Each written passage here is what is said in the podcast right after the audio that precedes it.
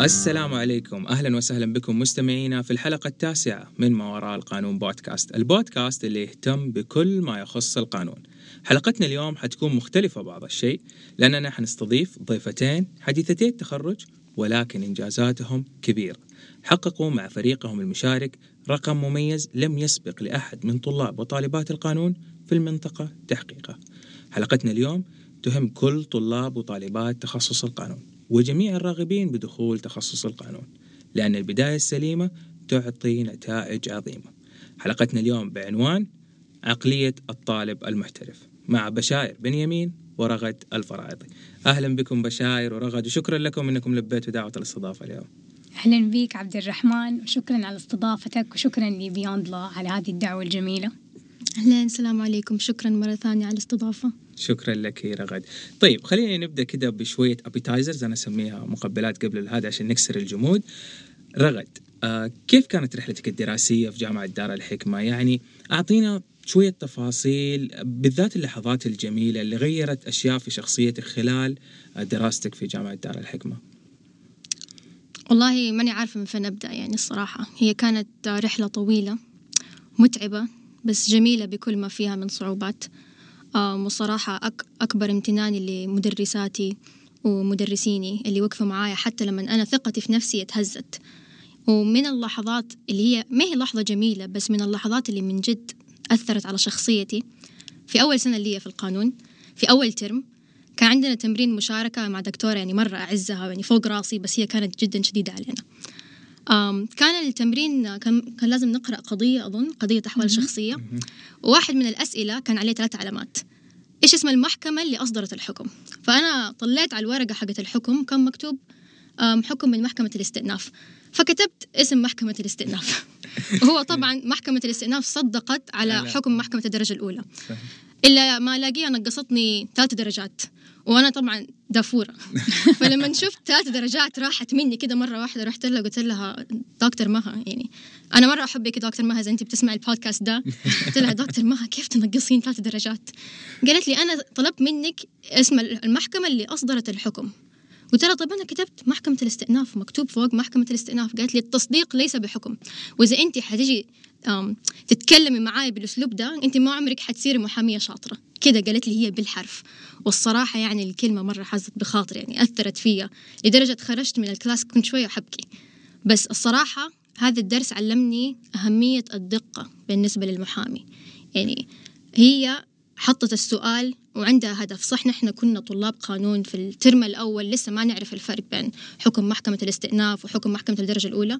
بس هي كان لها بعد نظر. فمن جد أنا ممتنة لدكاترتي اللي درسوني.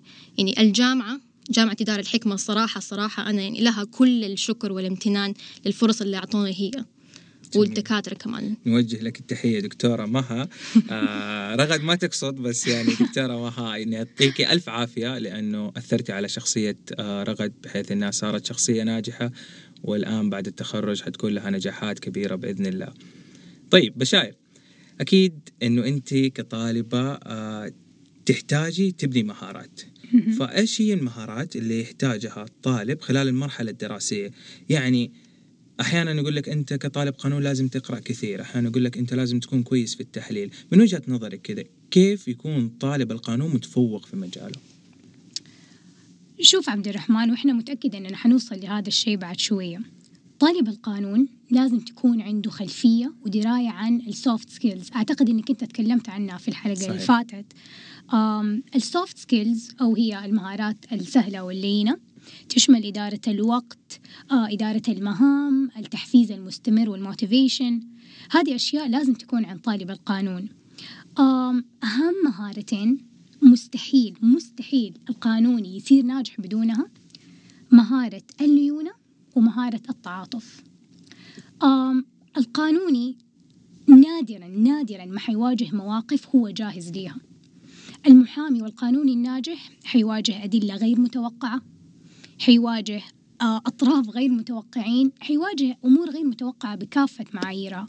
فإذا ما أتعلم من البداية أو من مرحلة الصفر كيف يجهز نفسه آه، نفسه بحيث إنه يكون جاهز يتعامل مع أي من هذه المواقف ما عمره حينجح.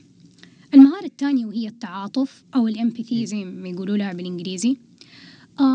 القانوني لازم يفهم عميله عشان يقدر يمثله بصورة كويسة. إذا ما اكتسب القانوني مهارة التعاطف كيف يتعاطف مع عميله كيف يحط نفسه مكان عميله وكيف يحط نفسه مع العميل اللي بيواجهه أو خصمه يعني. خصمه بالضبط ما حيقدر ينجح فبالنسبة لي من خبرتي المحدودة جدا التعاطف والليونة أهم جميل جدا. طيب بشاير إيش أكثر الصعوبات اللي واجهتك خلال آه، رحلتك الدراسية؟ يعني رغد قالت لنا أنه آه، في البداية أنه الصدمة اللي حصلت لها هي اللي خلتها تعرف أنه الدقة حاجة جدا مهمة آه، في دراسة تخصص القانون. حكينا إيش أكثر الصعوبات اللي واجهتيها؟ آه ممكن أقول إنها صعوبتين. أول صعوبة هو لأنه إحنا في دار الحكمة لمن لا يعرف. آه ندرس القانون باللغتين اللغة العربية والإنجليزية.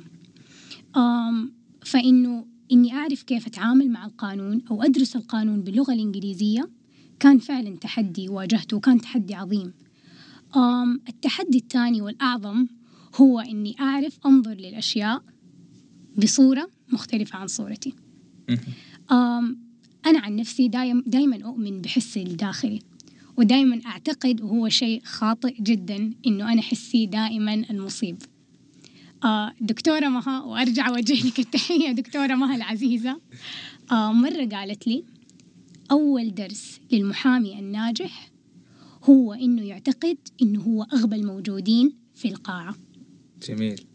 فمن وقتها تعلمت إني قبل ما أرى الأمور بوجهة نظري أنا أراها بوجهة نظر خصمي وأراها بوجهة نظر القاضي وأراها بوجهة نظر الحاضرين وجميع آه الموجودين حواليني. فأعتقد إنه هذه هي أكبر الصعوبتين جميل جدا. طيب آه، دائما أنا يعني كنت أتكلم مع الطلاب آه، سواء كانوا الطلاب اللي أدرسهم أو طلاب أو طالبات أتكلم معهم على تويتر أو أي يعني صادفنا نكون في مكان عن ال mindset عن العقلية القانونية اللي يحتاجها الطالب. آه، يعني نشوف في الكلاسات إنه الطلاب مثلا ما يكون عنده العقلية هذه. يعني هو فقط جاي يدرس مادة لو سمحت أعطيني علم بالتلقين أجي أختبر فيه أحصل درجة أنجح وأتخرج وأتوظف وظيفة عادية وإلى آخره. لكن العقلية القانونية اللي يحتاجها الطالب في المرحلة الجامعية أعتقد بأنه طلاب كثير خلينا ما نقول أغلبهم عشان لا نعمم نقول عددهم مو قليل. العقلية هذه يفتقدوها. فإيش تعتقدي الأشياء اللي لازم يركزوا عليها الطلاب؟ يعني يا رغد ويا بشاير إنه يطوروا من هذه العقلية.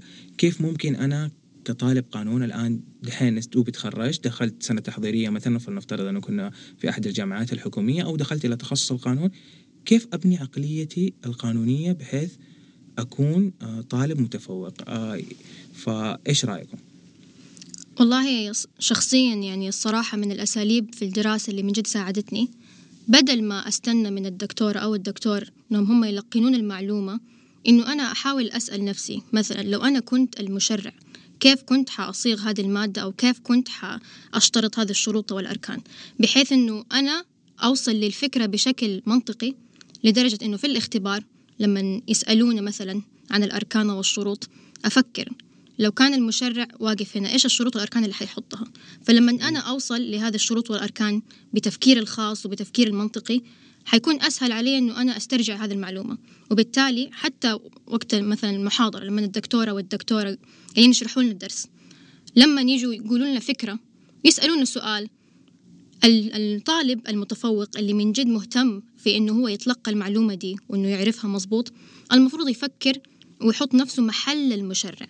بحيث إنه هو يقدر أو يكون ملكة عنده ملكة مثلا التفكير المنطقي والتحليل. تقصد التفكير الناقد؟ أيوه بالضبط. آه يعني التفكير النقدي بشكل عام من أهم من أهم المهارات بالنسبة لطالب القانون. مو بس حتى طالب القانون للطلاب بشكل عام. يعني أنا الصراحة في مدرستي كانت هذه من أهم المهارات اللي يركزوا عليها بحكم أنه المنهج كان يركز على آه، تقوية المهارات الناعمة اللي يسموها هذه. ال soft skills اي بالضبط ال soft skills مهارات ال soft skills مثلا على سبيل المثال عندنا ال critical thinking أو التفكير الناقد آه، التحليل آه، الخطابة الكتابة القانونية حتى القراءة. يعني أنا للأسف أنه أشوف بعض الطلاب خصوصا تخصص القانون هو داخل على التخصص ما هو عارف إنه هذا التخصص يحتاج إنه أنت تقرأ مرة كثير. يعني لو بنشوف آه، الجامعات الأجنبية وخلينا نقول جامعات أمريكا وبريطانيا في الماجستير أنت تحتاج إنك تقرأ على الأقل 100 صفحة يوميا عشان تلحق.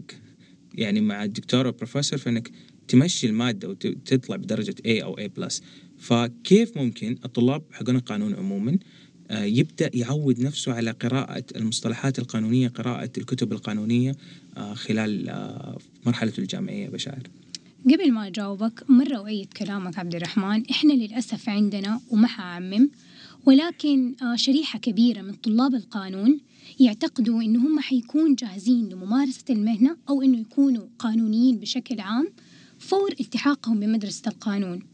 ولكن هذا مرة شيء غلط. مدرسة القانون أو كلية القانون هي الخطوة الأولى فقط هي اللبن الأولى. ال soft skills التفكير الناقد والارتجال وغيرها هذه كلها مهارات لازم الطالب هو بنفسه اللي يتعلمها لازم هو يسعى ليها. كيف ممكن نقوي هذا الحس؟ في أكثر آه، من آه، من حاجة ممكن يسويها الطالب. آه، أعرف كثير من زميلاتي ومتفوقات ما شاء الله.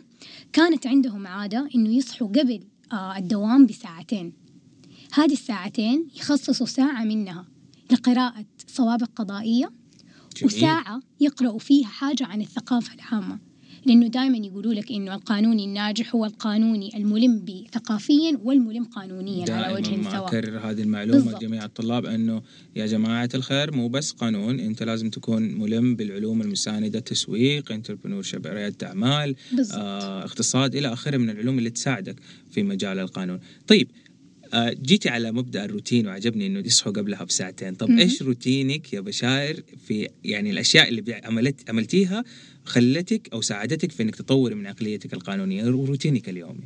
طيب أول شيء مرة شكرا إنك جبت موضوع الروتين لأني أنا إنسانة جدا روتينية ولو تلخبط روتيني ممكن تلاقيني مرة مرة مني. بالضبط أصحى قبل دوامي بساعة لازم عشر دقايق لازم أتأمل فيها وأعمل مديتيشن شخصيا أحس إنه مرة يساعدني ويهيئني فكريا ونفسيا إني أتلقى المعلومات من الدكتور.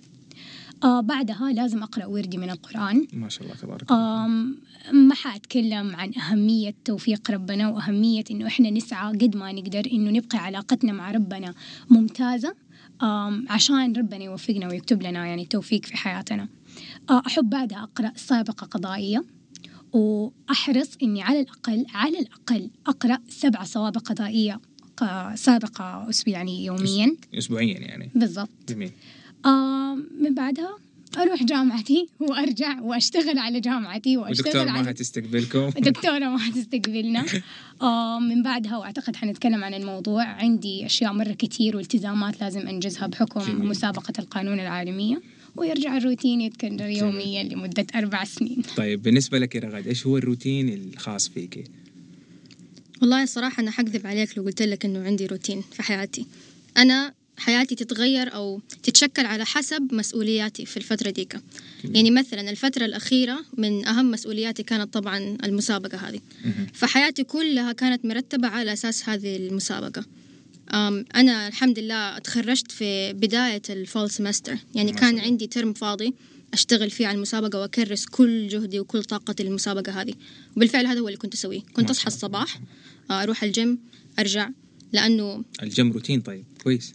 يعني أيوة بس أنا ما أعتبره أنا أعتبره الصراحة من أساسيات الحياة. جميل. يعني هو شيء ضروري عشان مو بس الإنسان يكون صحي بس عشان أصلا يقدر يركز. لأنه لما نروح الجيم أحس إنه أقدر أركز أفضل بكثير من لما صحيح. ما أروح. بالضبط. بس وكنت آه، أركز كل جهدي وكل طاقتي على هذه المسابقة. فهو روتيني يتشكل على حسب مسؤولياتي في الفترة هذيك. جميل جدا. طيب طالما جبنا طاري المسابقة خلينا نبدأ ندخل في المسابقة آه، أو مشاركتكم في المسابقة. المسابقة العالمية الأكبر في مجال التحكيم التجاري اللي هي مسابقة آه، ويليام سيفاس هي أكبر مسابقة في التحكيم التجاري وثاني أكبر مسابقة في القانون بشكل عام. أم كل سنة يشارك فيها تقريبا 400 فريق.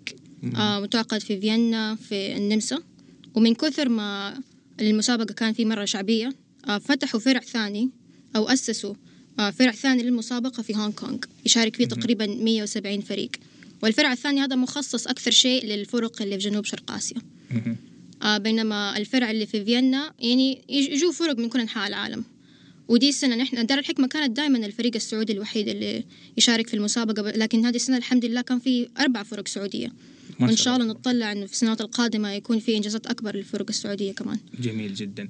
طيب السؤال إيش هي معايير التقييم اللي آه بنت عليها جامعة دار الحكمة اختياركم في الفريق المشارك آه في هذه المسابقة؟ قبل ما أجاوب على سؤالك مرة حابة أوجه رسالة لجميع لجميع مسؤولين الجامعات أو البرامج القانونية هذه النشاطات اللامنهجية جدا جدا جدا مهمة لرفع مستوى قيمة الجامعة ورفع مستوى الطلاب على يعني بشكل عام دار الحكمة مرة تهتم في هذه النشاطات اللامنهجية ومو بس هذه مسابقة المحكمة الصورية اللي دار الحكمة مشاركة فيها. دار الحكمة دائما آه، تعقد مؤتمرات صغيرة يتكلموا فيها القانونيين وتكون فيها نقاشات بين القانونيين. آه، قد عقدت دار الحكمة مسابقتين في الجامعة على مستوى صحيح. طالبات الجامعة برضو محكمة صورية. أعتقد قريب كان في مسابقة كانت قريب صحيح. فهذه البرامج اللامنهجية جدا جدا مهمة. وهذا الشيء يوجه كمان رسالة للطلاب أنه آه أنت عارفة أحيانا الطلاب لما يجي نقول لهم ترى في محاكمة صوريه أو في مسابقة راح نسويها نشوف نظرات التذمر آه، فيهم إنه كانوا بيقولوا يوه لسه في كمان أشياء تانية. فرسالتنا إنه لازم يا طالب أو يا طالبة إنك تركز إنه مو كل شيء هو المنهج الدراسي. المسابقات هذه راح تعلمك أساليب راح تعلمك مهارات ممكن أنت ما راح تتعلمها خلال أربع سنوات تتعلمها في يوم أو في خلال أسبوع طيب بشاير كانت المسابقة آه يعني زي أي مسابقة من مسابقات القانون تعتمد دائما على شقين أكيد آه الشق الكتابي آه والشق الشفهي. بالنسبة للشق الكتابي كم كانت المدة اللي بيعطينكم إياها عشان تجهزوا مرافعاتكم الكتابية؟ هي ال process أو العملية كلها من المسابقة أخذت تقريبا 8 شهور. wow. فترة طويلة جدا. أربعة إلى خمسة شهور صحيح رغد كانت مخصصة لشق الكتابي. بينما خلينا نقول شهرين كانت مخصصة للشق الترافعي أو ال oral arguments. الصعوبة اللي واجهتنا في الشقين هي إدارة وقتنا. لأنه زي ما رغد قالت لك آه الصراحة إحنا كلنا دوافير. للأسف اللي كنا في الفريق مرة كنا دوافير. فكان مرة صعب علينا إنه آه نوازن بين مسؤولياتنا كطالبات ومسؤولياتنا كمشاركات في المسابقة. فأخذ مننا مرة وقت كثير إننا نعرف كيف نكون أو نحافظ على مستوانا الأكاديمي ومستوانا ومستوى الجامعة في هذه المسابقة يعني. في الشق الكتابي من أغل من أهم يعني أو من أعظم الصعوبات اللي واجهتنا هي إننا نجهز عقولنا إننا نفكر كطلاب قانونيين زي الطلاب القانونيين في الدول الأخرى. أنت في هذه المسابقة بتتعل... بتتعامل مع عقليات جاية من common law students أو آه، طلاب من قانون عام. تفكيرهم مختلف يفكروا بالسوابق القضائية ما بيفكروا بالأنظمة. أنت هنا طبعا اعتمادك كلي على اللغة الإنجليزية فلازم تفهم أو يكون إدراكك وفهمك للغة الإنجليزية زي إدراك متحدث من دولة تتكلم الإنجليزية بالضبط. بالنسبة للشق الثاني اللي هو الترافع فهذا صعوبات من نوع آخر. أنت هنا بي بي بي بتحتكم أو بتواجه قضاة آه، يتكلموا الإنجليزي تماما. عندك 14 دقيقة تلخص فيها آه، اللي كتبته في مذكرة تقريبا طولها 60 صفحة. وعلى يعني واعظم مصيبة خلينا نقول إنك أنت مضطر إنك تجاوب على أسئلة القضاه اللي ممكن تكون غير مجهز لها غير محضر لها.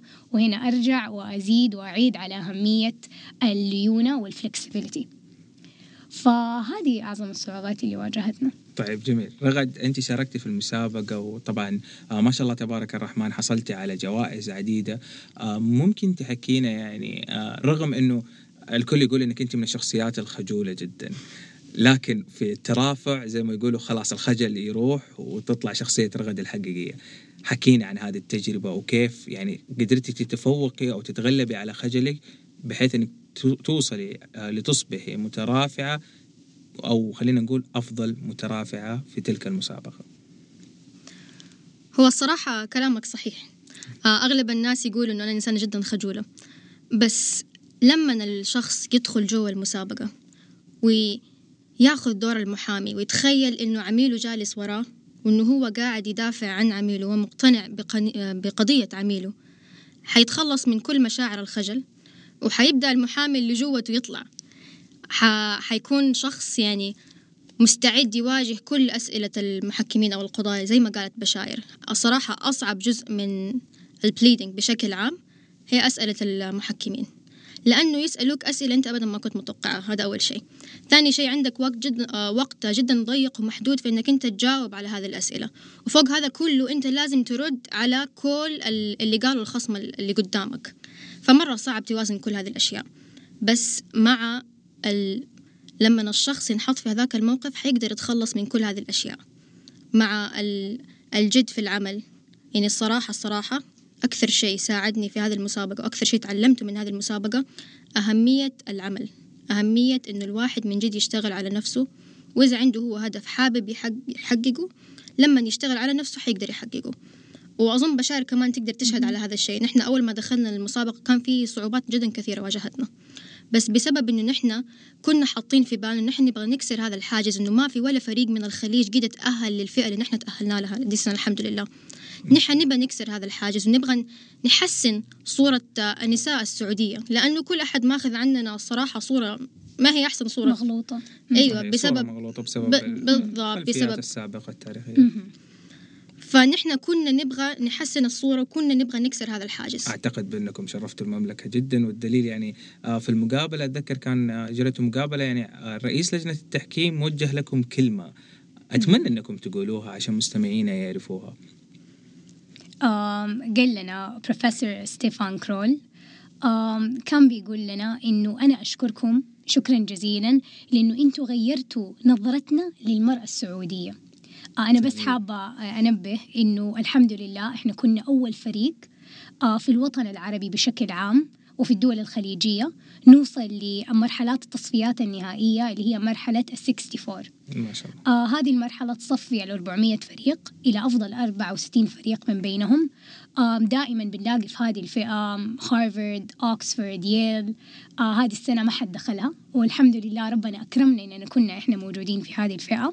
لسه قبل كم يوم آه وصل لنا إيميل إنه إحنا صنفنا كالفريق رقم 20 على واو مستوى واو هذه المسابقة. ما شاء الله تبارك الرحمن. فيعني الحمد لله كان إنجاز عظيم. وبرضه حابة أقول إنه هذه السنة أنا ورغد شاركنا للمرة الثانية. جميل. آه السنة اللي فاتت للأسف وما تأهلنا لهذه المرحلة. فإحنا كنا مرة يعني رافعين ثقتنا وكانت آه ثقتنا بنفسنا للسماء وإن نحن حنوصل لدرجة إني جبت أهلي من السعودية عشان يكونوا ضمن الحضور وقت إعلان النتائج. فبدأوا يقولوا الفروق الأولى وصلوا عشرين وصلوا ثلاثين وصلوا أربعة وستين ما في دار الحكمة فكانت زي قرصة قوية ولكمة كده قوية جدا إنه لا إحنا لازم نوصل الحفاظ على الصدارة بالضبط. دائما أصعب من الوصول بالضبط. رغد وبشائر آه أنا سمعت إنه ما شاء الله أخذتوا جوائز آه كثير يعني الحمد لله فإيش هي الجوائز سواء كانت جوائز تخص الفريق أو جوائز فردية اللي حصلتوا عليها؟ أم أول شيء من ناحية الجوائز اللي تخص الفريق أم الحمد لله نحن فزنا بأفضل فريق على مستوى الشرق الأوسط ودار الحكمة الحمد لله آه سلة بتفوز بهذه الجائزة لمدة خمس سنوات على التوالي. واو. يعني هذه شهادة يعني أكبر ما تكون من شهادة ل لحقيقة إنه التدريب والتدريس في دار الحكمة صراحة جدا جدا رائع. والمنتجات ومخرجات دار الحكمة معروفة أنها هي الأفضل دائما في سوق العمل وكل شركات ومكاتب المحاماة سواء كانت محلية أو أجنبية أو عالمية تبحث عن خريجات دار الحكمة. وهذه شهادة آه، عظيمة جدا من سوق العمل في دار الحكمة أنه أنت كجامعة جامعة دار الحكمة جامعة مميز جدا. أتمنى أنه من باقي الجامعات تركز في بناء محتوى تدريسي محتوى تعليمي جيد يخرج مخرجات تتفوق على سوق العمل بحيث هي ترفع آه، من سوق العمل. بالفعل خصوصا الجامعات اللي تركز أو الجامعات نحن نشجع الجامعات إنها تركز على الجانب العملي والتطبيقي من المهارات. أغلب الجامعات عادة بتركز على الجانب النظري وبتهمل المهارات اللي لازم الجامعات تنميها. طيب ومن ناحية الجوائز كمان على مستوى الفريق الفريق الحمد لله فاز بأفضل مذكرة للمدعي على مستوى 90 فريق من أنحاء العالم في مسابقة المركز الآسيوي للتحكيم. واو. وطبعا زي ما ذكرنا سابقا هذه كانت أول سنة يتأهل فيها الفريق لفئة ال 64 وهي من أصعب الفئات. الهدف الأساسي من الفرق أصلا إنها تشارك في هذه المسابقة إنه هي تتأهل لهذه الفئة لدرجة إنه أي آه، عضو يتأهل لهذه الفئة ويترافع ما يقدر يشترك في السنة اللي بعدها. يعني هو يعتبر إنه إنه كأنك حققت الكأس أو البطولة. بالضبط. بالضبط.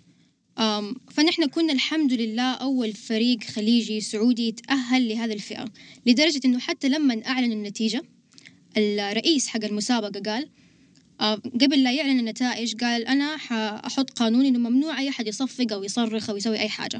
لما جاب يعلن اسمنا إيش قال؟ بس أنا حسوي استثناء لهذه الجامعة لما أعلن واو. اسمها مسموح لكم تصفقوا مسموح لكم تصرخوا. ليش؟ لأنه هو كان موجود في النهائي حقنا السنة اللي فاتت. أنا وبشاير كنا بنترافع ومن كتر ما انبهر بأدائنا هو هو اللي قال لنا الكلمة ديك إنه أنتوا غيرتوا وجهة نظري عن هذه المنطقة. فلما اكتشف إنه إحنا ما تأهلنا السنة اللي فاتت يعني هو كمان زعل علينا. فلما نعرف قلنا بشاير أفتكر السنة اللي فاتت راحت قالت له بروفيسور كرول نحن دي السنة ما تأهلنا لكن حنشترك ثاني وحنتأهل السنة الجاية. جميل. ومن وقتها نحن خلاص بنينا قرار إنه نحن نبغى نتأهل السنة الجاية. والإصرار من أهم من أهم الأشياء عند أي شخص في هذه الحياة. صحيح. وهذا هو اللي دفعنا نحن دخلنا دي السنة ثاني أنا وبشاير ويارا الصائغ. آه دخلنا هذه السنة مع واحدة من زميلاتنا كانت زميلتنا السنة اللي فاتت دحين صارت مدربتنا بهدف إنه نحن نتأهل لفئة ال 64 الحمد لله وصلنا لهذه الفئة. ما شاء الله تبارك الرحمن. فخورين جدا بكم. طيب الجوائز ال- الفردية اللي حصلتوا عليها كان في جوائز؟ أيوه آه أنا وبشاير الحمد لله في مسابقة الشرق اللي كانت على مستوى الشرق الأوسط فزنا بالمرتبة الشرفية لأفضل مترافعتين واو ما شاء الله. الحمد لله. وفي المركز الآسيوي للتحكيم أنا شخصيا فزت بجائزة أفضل مترافعة من تقريبا 300 مترافع مترافعة واو. على مستوى آسيا. وبعدين لما رحنا فيينا أي شخص يق- يقوم بتمثيل الطرفين اللي هو المدعي والمدعى عليه يكون مؤهل إنه يفوز بجائزة آه، المرتبة الشرفية لأفضل مترافع. بحيث إنهم هم يشوفوا الدرجات ويجمعوها وياخذوا الافرج حقها وأكثر آه، أعلى درجات يدوهم هذه الجائزة. وأنا الحمد لله فزت بهذه الجائزة. المركز الأول. لا هي مو المركز الأول هي المرتبة الشرفية لأفضل مترافع أو. مترافعة قالت أخذت المرتبة الشرفية على مستوى الشرق الأوسط. فالحمد لله. يعني الحمد لله. جوائز آه، الحمد جميل لله. جدا. طب إيش الفرص اللي حصلتوها؟ أو هل المشاركة في المسابقات هذه تعطيكم أكيد هي بتعطيكم connections مع علاقات آه ثانيين مع خصوصا من دول مختلفة. بيكون عندكم أصدقاء محامين مستقبلا في دول مثل سويسرا فرنسا سنغافور مختلف الدول. آه إيش ممكن أو إيش العلاقات ال connections هذه؟ في إيش فادتكم بالضبط؟ مو أنا أنا الحمد لله السنة اللي فاتت فزت بجائزة أفضل مترافعة آه، في مسابقة المركز الآسيوي للتحكيم. بسبب هذا الشيء كان أحد المحكمين اللي قاعد يحكم ال pleading حقتنا أنا وبشاير قانوني في المركز الآسيوي للتحكيم. جميل. من كثر ما انبهر بأدائنا أرسل لنا إيميل بعد ما خلصنا من المسابقة قال لنا نحن عندنا فرص تدريبية لكم لجميع أعضاء فريق دار الحكمة. آه والحمد لله أنا كان عندي الفرصة إنه أنا أنتهز هذه ال opportunity فالحمد لله رحت في المركز الآسيوي للتحكيم وتدربت لمدة ثلاثة شهور في كوالالمبور صحيح؟ أيوة بالضبط wow ما شاء الله تبارك الله وكيف كانت التجربة؟ إيش الأشياء اللي استفدت منها من هذه التجربة؟ والله تجربة أكثر من رائعة استفدت مو بس فوائد عملية بس اكتسبت مهارات في التعامل مع الآخرين في التعامل مع الأشخاص اللي اللي بيئتهم مرة مختلفة عن بيئتي. آه، أتعلمت كيف أتعود على محيط مرة مختلف عن محيطي. الأكل الماليزي ما أظن يعجب كل أحد. بس الحمد لله نهاية الثلاثة شهور هذه كنت خلاص صرت آكل زيهم. نفس الأكل حقهم صرت أحب الأكل حقهم دحين أشتهيه الصراحة ماليزيا يعني تعتبر دولة من الدول اللي بتتطور بشكل جدا آه، سريع يعني. وملحوظ. ملحوظ. ماليزيا ماليزيا سنغافورة الدول هذه اللي تكون في الشرق الآسيوي آه، تطورها جدا ملحوظ خصوصا مع دول ال Middle East. وحتى يعني university في سنغافورة أعتقد الجامعة الوطنية في سنغافورة تعتبر من. ال top من جامعات 20 النخبة. أعتقد 15 بالضبط. في آخر تصنيف لل QS. بالضبط. التحكيم دحين قاعد ينمو نمو جبار. والسبب الصراحة اللي خلاني إن أنا أروح لماليزيا آه واتدرب آه بالذات عند المركز الآسيوي للتحكيم اهتمامهم بتنمية الكوادر. يعني هم عندهم نشاطات يقوموا بها بشكل دوري. آه سواء دورات سواء ورش عمل سواء إنهم يستضيفوا أشخاص آم، متميزين ولهم صيتهم وسمعتهم في المجال عشان بس ينموا ويربوا التحكيم في ماليزيا. ودحين تقريبا هي سيطرت على المستوى المحلي. فاصبح التحكيم عندهم مثلا يعني آه الناس تلجأ للتحكيم قبل ما تلجأ للقضاء يعني بالضبط, بالضبط أو تلجأ للتحكيم بالنيابة عن القضاء حتى. wow جميل. خصوصا لدرجة إنه صار التحكيم في ماليزيا آه آه نظامي بحيث إنه مثلا إذا كان في نزاع في ال construction خلاص عندهم شيء اسمه adjudication بحيث إنهم هم يلجأوا للتحكيم بشكل اوتوماتيك على طول بدون ما إنهم هم يلجأوا للمحاكم. جميل جدا. طيب بشاير ورغد يعني أعتقد مع الإنجازات الكبيرة هذه اللي آه، حققتوها ما شاء الله تبارك الرحمن أكيد جاتكم فرص وظيفية من شركات محلية أو عالمية هنا في السعودية. هل جاتكم هذه الفرص اولا؟ وثانيا هل تخططوا مثلا إنه في المستقبل آه، خطتكم؟ هل تدخلوا سوق العمل أو إنه إكمال دراسة ماجستير؟ وإيش تنصحوا؟ أو إيش تفضلوا؟ خلينا نقول لا مو إيش تنصحوا. أنت كبشاير وأنت كرغد إيش تفضلي لنفسك آه، في المجال القانوني عشان مستقبلك؟ طيب أول شيء ما أعرف إذا أغلبكم بيتابع Suits أو لا لكن في هذا بالضبط في هذا المسلسل يوريك إنه المحامي ولا حاجة بدون المعارف أو ال connections فهذه النشاطات اللامنهجية فعلا أرجع وأكرر أنصحك يا كل طالب يا كل طالبة إنكم تنتهزوها لأنه لما تتخرجوا من المدرسة أو من كلية القانون معارفكم هي اللي حتفيدكم. معارفكم هي اللي حجيب لكم فرص عمل. معارفكم هي اللي حتخليكم تعرفوا أنتوا فين أو إيش تبغوا تسووا في الخطوة اللي بعدها. آه بالنسبة لسؤالك الحمد لله جاتنا مرة فرص وظيفية كثيرة على النطاق المحلي والنطاق الدولي آه برضو. آه بدون ذكر أسماء آه صرنا أنا ورغد وزميلاتنا في الفريق في حيرة من أمرنا يعني أية من هذه الفرصة ننتهز. غير كده آه بالنسبة لسؤالك الثاني طبعا لما تخرجنا عرفنا إنه في خيارات مرة كثير. ممكن الطالب يروح يكمل دراسته ممكن يبدأ يعني يتنافس في سوق العمل وغيرها. بالنسبة لي عرفت إني أنا جدا مهتمة بالأكاديمية. عرفت إني أنا جدا مهتمة في البحث القانوني فقررت إني أخذ سنة أدرس فيها القانون بشكل معمق ألجأ فيها للأكاديمية بشكل أكثر وقررت إني في هذه السنة أحاول بإذن الله أنشر مقالتين أكاديمية.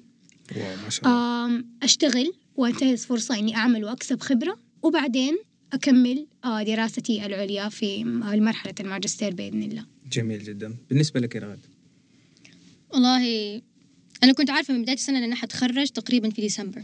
فكان لازم أخطط لهذا كله. أنا لسه قاعدة أتدرب في المركز الآسيوي للتحكيم. والحمد لله وأنا قاعدة أتدرب هناك جاتني فرصة وظيفية أنه أشتغل عندهم. بس أنا شفت إنه الأفضل لي إنه ما أشتغل بس في التحكيم بس إنه أوسع المجالات المتاحة لي. بالضبط. فقررت إنه أفضل طريقة لإني أنا أسوي هذا الشيء بإني أنا أسافر برا وأستكمل دراساتي العليا وأخذ الماجستير وإن شاء الله عشان أصير مؤهلة لإني أختبر New York Bar بهذه الطريقة أنا أكون مرخصة في أكثر من دولة وهذا طبعا حيفتح لي فرص في سوق العمل جدا جدا كثيرة. فهو ده اللي ركزت عليه في بداية السنة اللي فاتت أو بداية هذه السنة من January ركزت على ال applications إني أنا أقدم على جامعات برا وبالذات ركزت على جامعات النخبة. لأنه بالنسبة لي الطريق أو أسرع وأفضل طريق للتميز هو إنه الشخص من بداية مشواره يكون متميز. ومن هنا الصراحة جاتني فكرة إنه أنا أقدم على جامعات النخبة. فقدمت على ستة أظن من جامعات النخبة. انرفضت من اثنين منهم بس الحمد لله انقبلت في أربعة من هذه الجامعات. جميل. um, University of Pennsylvania و Duke University. wow. بيركلي uh, وعلى رأسهم الحمد لله uh, تم قبولي في جامعة هارفارد great great news الف ألف مبروك رغد. يعني جدا فخورين فيك. يعني انه يعني حتى Beyond Law Podcast فخور جدا. آه يا جماعة ترى إحنا بنستضيف الآن آه طالبة مقبولة في جامعة هارفرد. بإذن الله لا تكبر راسك. بعد ما تتخرج راح نستضيفها في البودكاست عشان تتكلم لنا عن تجربتها في هارفرد أو بيركلي أو ما أعرف إيش الجامعة الأخرى اللي ممكن حتكون آه، تقبلها حسب الخيارات. طيب مس لميس باجنيت تقول لكم فخورة جدا بكم وأنتم من أكثر الطالبات المتميزات وبتنتظر الحلقة. شكرا مس لميس إيش حابين توجهوا لمس لميس؟ استضفنا آه. مس لميس قبل كده في حلقة من حلقات البودكاست تكلمت عن ال intellectual property الملكيه الفكرية كانت واحدة من الحلقات الممتعة جدا. اللي ما سمع حلقة أستاذ عبد الرحمن مع مس لميس يوقف هذه الحلقة يروح يسمعها يعجب في هذيك الحلقة وبعدين يرجع يكمل معنا. يعطيكم العافية. والله حلقة جدا ممتازة جدا نستمتع بالكلام معاكم يعني. الله يسعدك يا رب. آه مس لميس حقيقي خير المرشد وخير المعلم. آه مس لميس آه درستني أنا ورغد. آه مادة ملكية فكرية. آه درستها بشكل مميز عظيم. درستها آه بشكل مقارن. يعني ما أعطتنا المنهج كتلقين لا أعطتنا المنهج كمنهج مقارن بين القانون الأمريكي للملكية الفكرية ضد أو, أو مع القانون, القانون السعودي, والقانون البريطاني كمان. يعني درسنا ثلاثة قوانين في مادة واحدة. واو. غير إنه أسلوبها في التدريس الصراحة لازم لازم انتهز هذه الفرصة بس عشان أقول لمس لميس أسلوبها في التدريس رائع. بداية إنه أنا أحب أقعد في ال class وأفكر وأوصل لل conclusion حقتي بالتفكير المنطقي.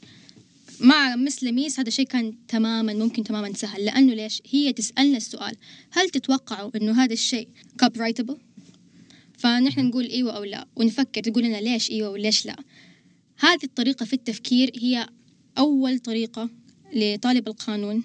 أول طريقة لازم يتعلمها ولازم طالب القانون يكون متميز فيها عشان يقدر ينجح في أساليب التحليل التحليل القانوني. التفكير التحليلي جدا مهم بالنسبة لطلاب القانون. طيب صح. سؤال من عمر بيقول لكم كيف كان شعوركم بعد التعب اللي استمر لفترة طويلة؟ يعني بعد ما حصلتوا هذه الجائزة تعب شهور ثمانية شهور إيش كان إحساسكم؟ يعني والله ما أعرف إيش أقول تاني مرة. يعني هي كانت process مرة طويلة ثمانية شهور حقيقي ما كنا ننام فيها. فأول شيء عملناه أنا ورغد بعد ما تأهلنا الحمد لله ل 64 نمنا في الفندق. نمنا في الفندق حقيقي. مع إننا كنا في فيينا في النمسا سبنا كل شيء قفلنا الستاير ونمنا. هذا أول شيء سويناه. آه، تاني شيء سويناه قعدنا مع نفسنا. قلنا خلاص خلصنا moot court وفي مزحة طريفة بيننا يعني it's an inside joke بين بنات دار الحكمة اللي هي حالة اكتئاب ما بعد المحكمة الصورية wow. تقعد أسبوع أسبوعين منك عارف إيش تسوي في حياتك. بعد الضغط اللي راح. بالضبط. وأنا حاليا يعني في لب هذه الحالة بصحى كل يوم الساعة 8 الصبح. ما أعرف ليش. ورمضان. بصحى لإني متعودة لثمانية شهور إني أصحى مرة بدري. ف يعني الحمد لله. واحد من أصحابي الصراحة انقبل في جامعة آه، زيوريخ وطلع وكانت يعني يقول لي تجربة جدا حلوة إنك تعيش آه، ضمن المجتمع السويسري آه، يعني إنك تتكلم إنجلش وفرنسي والميكس جيرمن فرنش هذا اللي بالزبط. عندهم فتجربة جدا جميلة برضو إنه الناس ممكن مو بس US ولا استراليا بالزبط. ولا UK آه، سويسرا برضو خيار وما أعتقد أنه جامعاتهم برضو يعني إذا كانت المنافسة دار الحكمة بتنافس university في زيوريخ للمعلومية يا جماعة الخير تقييم university في زيوريخ أعتقد بين السبعين والثمانين على مستوى العالم في ال law schools فجامعة دار الحكمة بتنافس آه، مستويات وجامعات كبيرة جدا. وهذا دليل على أنه المخرجات القانونية الخاصة بجامعة دار الحكمة جدا قوية. لو جين تقول لكم أنتم أقوى سلاح للياس. شكرا جزيلا لجين. يعني هذا شرف وشهادة نعتز بها إحنا الاثنين. إن شاء الله نكون على قد ثقتك فينا. طيب جميل. طيب قبل ما نختم هذا البودكاست بشاير ورغد أعطونا كتاب كده يعني أثر فيكم جدا. كتاب تحسوه من جد غير ال mindset الخاص فيكم. أم شخصيا آه كتاب The Genius in All of Us uh, by David Schenk um, أظن في منه نسخة بالعربي اسمه كلنا عباقرة أو كلنا عباقرة. يتكلم عن مفهوم الموهبة وإنه المجتمع بشكل عام عنده فهم خاطئ للموهبة وإنه كل شخص عنده ملكة معينة وإذا هو حط إذا هو اجتهد واشتغل على نفسه حيقدر يوصل للمراحل اللي هو يتمناها من التفوق والنجاح من حيث المهارات. وركز آه، بالذات على نماذج متميزة سواء في عالم الموسيقى أو الرياضة أو الفن. أو حتى الأكاديمية وحلل نموهم مو نموهم حلل البيئة اللي هم تربوا فيها وكيف هذه البيئة ساهمت في نجاحاتهم اللي جات بعدين. أنا درست في مدرسة كانت تهتم كثير بهذه المجالات اللي هي مجالات الإلقاء والتفكير والتحليل والأدب. فمرة صقلت صقلت مهاراتي في التحليل والقراءة سهلت علي مرحلة الجامعية. جميل. بس بعدين لما دخلت في هذه المسابقة واجهت مهارات أنا ما عمري ما عمري اشتغلت عليها قبل كده. فكان من الصعب علي جدا إنه أنا أطورها في الفترة القصيرة حقت المسابقة. بس قراءة هذا الكتاب أعطتني جرعة من الأمل إنه هذا شيء أنا أقدر أشتغل عليه. لأنه رسالة الكاتب بشكل عام أو بشكل مختصر هي إنه كل شخص إذا إذا إذا حط في باله هدف معين واشتغل لهذا الهدف بشكل منتظم ودوري حيقدر يوصل للمرحلة اللي هو يبغاها من النجاح أو التقدم أو اكتسابه لهذه المهارة حتى. جميل. ومن جد أنصح كل أحد إنه يقرأ هذا الكتاب. مو بس حيفيدهم كمان هم يقدروا يشجعوا اللي حوالينهم يربوا هذه المهارات كمان. جميل جدا. آه إيش اسم الكتاب مرة ثانية عشان المستمعين؟ كلنا عباقرة. أو The Genius in All of Us. جميل. باي ديفيد شانك باي ديفيد شانك ممكن أضيف شيء كمان؟ تفضل أكيد. um, في كورس الصراحة جدا ساعدني خصوصا في مرحلتي الدراسية اسمه Learning How to Learn. uh, حتلاقوه على كورسيرا مجانا أي أحد يقدر يدخل وياخذ الكورس. حلقة التعلم الذاتي كانت هي الحلقة السابقة وأشرنا الكورسيرا على الرغد تقول لكم على كورس موجود في موقع كورسيرا ف join us وروحوا على كورسيرا وتعلموا. التعلم الذاتي وسيلة جدا مهمة إنك صحيح. تتطور. وبالذات يركز الكورس على مهارة القراءة. ومهارة القراءة من أهم المهارات بالنسبة للقانونيين. فكيف الشخص ينتقي مو ينتقي كيف الشخص يقرأ؟ مثلا نحن عارفين كقانونيين لازم نقرأ سوابق قضائية ولازم نقرأ نصوص نظامية. كيف الشخص يقرأ الكتب اللي تيجي مرة مرة ثقيلة أو الكتب اللي نصوصها تمتد من بدايتها لآخرها وتاخذ وقت في القراءة بشكل آلاف صفحات جميل. بشائر كتاب مميز. كتاب مميز. ما أعرف إذا أول كتاب يصنف ككتاب آه ممكن يكون كليشيه شوية لكن القرآن الكريم. أكيد هو فصل. غير إنه هو مصدر للتوفيق آه، والبركة من آه، من الله عز وجل. خلال قراءتي وتدارسي وحفظي للقرآن أدركت إنه هو الشيء الوحيد اللي يخلي خمسة حواس أو يخلي حواسك كلها تعمل في نفس الوقت. يقوي عندك مهارة التعاطف اللي أول تكلمنا عنها. يخليك تشعر بالكلام اللي أنت بتقرأه؟ يخليك تفهم وتدرس الكلام اللي أنت بتقرأه؟ فيعزز هذه المهارات. كتاب تاني أحب مرة أنوه عليه هو كتاب آه، المفاتيح العشرة للنجاح. كتبه الدكتور إبراهيم الفقي رحمه الله. كتاب يتكلم عن عشرة آه، مفاتيح للنجاح زي الدافع التخيل الطاقة التصور وغيرها. كتاب أنصح جميع الطلبة القانونيين. وشوية أبغى أخرج من الكتب. أنت تكلمت على هذا الشيء في الحلقة اللي فاتت وتكلمت على أهمية البرامج آه، التلفزيونية المتعلقة بالقانون.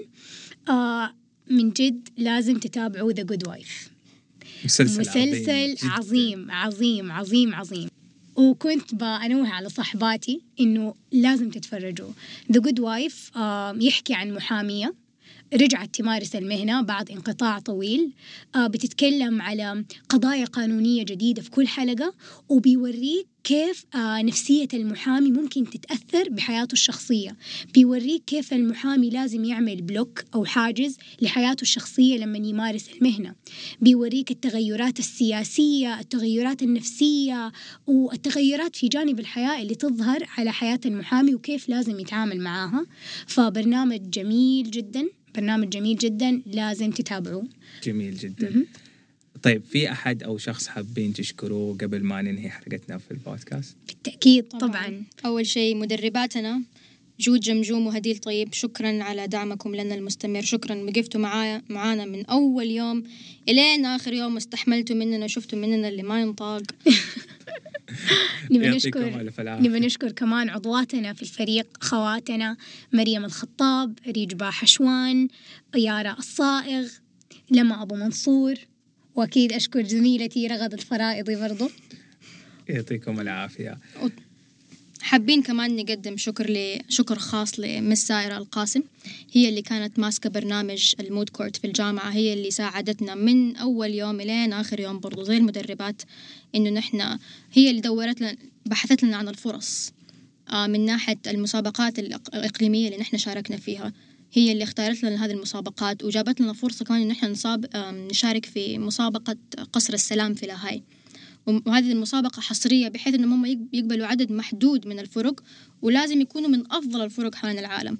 فالحمد لله بفضل جهودها هي هي قدرت إنه هي شي a spot لنا نحن في هذه المسابقة. وكمان حابين نشكر عميدة الجامعة دكتورة سهير القرشي لأنها سمحت لنا أصلا إنه نحن نشترك في هذه المسابقة وفتحت هذا الباب لبنات دار الحكمة. الصراحة الصراحة نحن مو أول سنة. قبلنا جو بنات مرة كثار. شاركوا في هذه المسابقة ومن جد لقيوا ثمار هذه المسابقة بعد ما تخرجوا. في منهم دارة سحاب دحين ما شاء الله بتشتغل في أف من أفضل كلايد كو بالضبط. ما شاء الله عليها. وانقبلت في NYU درست هناك في NYU فهذه كلها نتاج آه، مشاركة دار الحكمة في هذه المسابقة. فنحن من جد نتمنى أنه بقية الجامعات تتبع خطة دار الحكمة في هذا الشيء وأنه تفتح لطلابها مجال المشاركة في هذه المسابقات لأنه من جد من جد بيفرق مع الطلاب وبيأثر على حياتهم. بس شيء حابة آه، أضيفه قبل ما نختم الحلقة. أنا لما جاتني رسائل قبول الجامعات كثير منهم أظن اثنين منهم ركزوا على مشاركتي في هذه المسابقة وقالوا بسبب إنجازاتك في هذه المسابقة نحن حابين إنك تيجي هذه الجامعة وتشتركي معنا في المسابقة مع الجامعة عشان نحن نكمل هذا المشوار. واو ما شاء الله تبارك الرحمن. نوجه الشكر آه، والتحية لجميع من ذكروهم بشاير ورغد. شكرا لكم للمساهمة في هذا النجاح السعودي لفتياتنا في المملكة وبإذن الله نلتقيكم في حلقة قادمة من ما وراء القانون. بودكاست إلى اللقاء